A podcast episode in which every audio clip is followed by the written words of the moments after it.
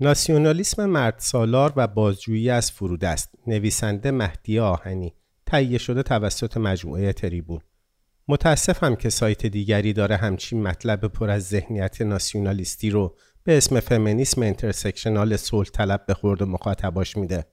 اولین نقدی که در واکنش به احساس آذربایجانی های ایران از پیام صلح مرکز در متن نسبتا کوتاه هم با عنوان صلح راهی برای برابری یا اسم رمز انکار در خصوص آزادی قرباق نوشته بودم دریافت کردم همین گزاره بود که به همراه نقدهای دیگر به دستم رسید. همون شب فکر کردم شاید بتوانم چند گام عقبتر رفته و با بررسی چند پیشفرض که حول موضوع ستمهای در هم تنیده وجود دارند دریچه ای فراختر برای ورود دیگری به جهان زیستی فرود است از منظر intersectionality بگشایم. از سایت دیگری ممنونم که فرصت حرف زدن از مسائل کمتر طرح شده را فراهم می کند. مجددا به نقد اول برمیگردم و به واژه ناسیونالیسم و طنین آن در ذهن ایرانی فکر می کنم.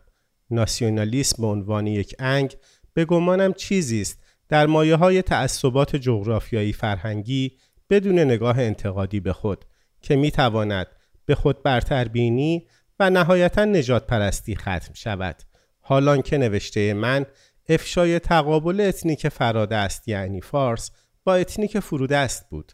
در نوشته ای که قرار است از هژمونی بالادست و پیامی که به اتنیک پایین دست مخابره می کرد بنویسم چه جای نقد خود یا تواضع در برابر فرادست و حرمت نگه داشتن مناسبات قدرت است؟ چطور ممکن است بتوان در متنی با محتوایی در مورد عدم توازن و قدرت شروع به انتقاد از بیقدرت کرد؟ در نابرابری اتنیکی صدای اعتراض فرود است مطالبه برابری خواهی است نه برتری جویی. هژمونی فراده است به اعتراض با صدای رسا و بدون لرز فرود است عادت ندارد.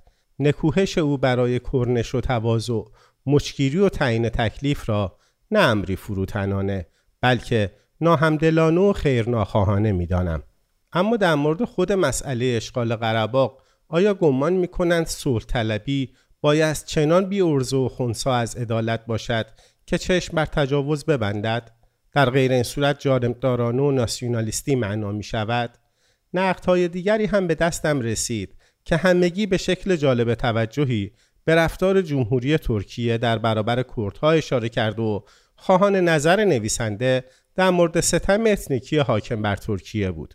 به گمانم پیش کشیدن وضعیت سایر اتنیک های فرودست به هنگام سخن گفتن یکی از فرودست ها و بازجویی نویسنده برای پاسخ به سوالات برآمده نه از خود متن بلکه ناشی از پیش های قدرت و خوانش فرامتنی از یک متن قطع کردن سخن و صدای او و طفره رفتن از مسئولیت خود برای شنیدن اوست. این رفتاری است ناهمدلانه. وضعیت هر اتنیکی که لب به سخن میگشاید گویا چنین است که ابتدا از موانعی چون برائت از ناسیونالیسم و یا آزمون کاذب تقارب و تقابل با دیگر اتنیکا عبور کند. موانعی که جز زحمت سخن برای ستم دیده نیست. از سویی هژمونی با دسته‌بندی در میان فرودست های خود بر شکاف آنتولوژیک خود با اتنیک های فرودست چشم بسته شکاف بین اتنیکا را پررنگ می کند شکافی که برآمده از سازوکار تبعیض خود اوست. فمینیست ها می دانند که پدر سالاری زنان را به جان هم می اندازد و دشمن اصلی آنان را خودشان معرفی می کند. مرد سالاری با طرح مباحث کاذب و پرسر و صدایی چون زنان علیه زنان برایشان آزمون های اخلاقی افزوده تعریف می کند تا بعدا نتیجه بگیرد که لیاقت این زنان همین فرودستی است. آزمون هایی که مسئولیت نابرابری جنسیتی را بر دوش خود زنان می‌گذارد زنانی که هنوز با خودشان دعوا دارند و اعتراضشان به مرد سالاری و اعتراضشان به مرد سالاری زنده و عینی با همین ارجاعات تحقیر می شود تا نهایتا به بعد از حل مناقشه بین خودشان موکول شود. سعی داشتم نشان دهم که فمینیست intersectional همین منطق را در فرودستی اتنیک ها در میابد و اراده آنان برای کسب قدرت برابر نه فقط قرابتی با احساس ناسیونالیستی ندارد بلکه همان تصویر خشم و ناعدالتی در تاریخ و منطق فمینیستی است. در متنی که پای هیچ غیر آذربایجانی به میان کشیده نشده و اصولا مسئله بر سر فرودستی آن در برابر مرکز فارسی زبان ممتاز است پیش کشیدن موضوع سایر اتنیک ها جز به معنای پرت کردن حواس گوینده و مخاطب از موضوع هدف مشخصی ندارد.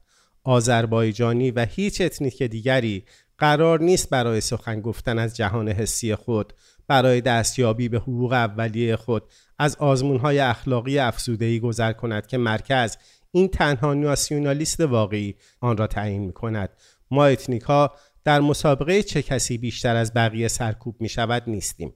intersectionality در پی اولویت بندی ستم ها نیست. همواره هر ستم دیده ای را می توان به ستم دیده تر از خودش ارجاع داد تا با رنج او همدلی نکرد و آن را به رسمیت نشناخت. زنان اصلی ترین زخم خوردگان سلسله مراتبی کردن موضوعات هستند.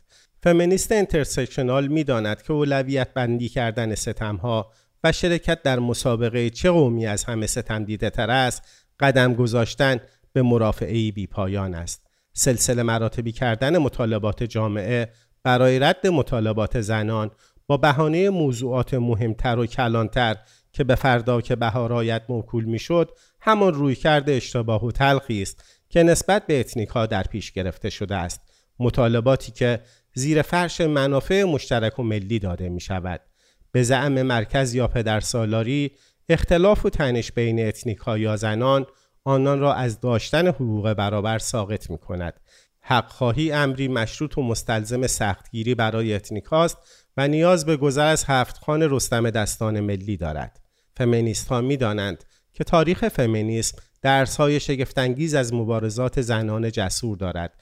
زنانی که نخستین بار مسئله خشونت خانگی و تجاوز در بستر زناشویی را در آگورای اجتماعی طرح کردند با نکوهش جامعه مرد سالار بابت کشاندن حوزه شخصی به عرصه اجتماع مواجه شدند. در برابر طفره رفتن جامعه مرد سالار از رسمیت دادن به ستم خانگی فمینیست ها شجاعانه شعار شخصی سیاسی است را برگزیدند. فمینیست intersectional با همین رهیافت فکری تاریخی در میابد که مرکز نیز همین پیام را مخابره می کند که مسئله اتنیک‌ها موضوعی درون خانوادگی و خصوصی است که نبایست آن را به عرصه ملی و عمومی ایران کشید. این اتنیک پدر مسئله اتنیک را شخصی سازی می کند تا طرح آن را در ساحت اجتماعی به رسمیت نشناسد. صدای هر اتنیک فرودست فریاد زنی است که حصار تنگ خانه را در نوردیده و به گوش همسایه ها رسیده است. از این رو نکوهش و بازخواست می شود. شخصی و خصوصی از مفاهیمی است که استبداد آن را تصاحب کرده و با قبض و بسط آن در موضوعات مزاحم معنی دلخواه به آن می‌دهد. اتنیک پدر گاه با ارجاع به اقوام بدبختتر از سلسله مراتب ستم می‌گوید تا زبان هر اتنیک را به لکنت بیاندازد یا با طرح مسائل ملی او را شایسته اهمیت نمی‌داند.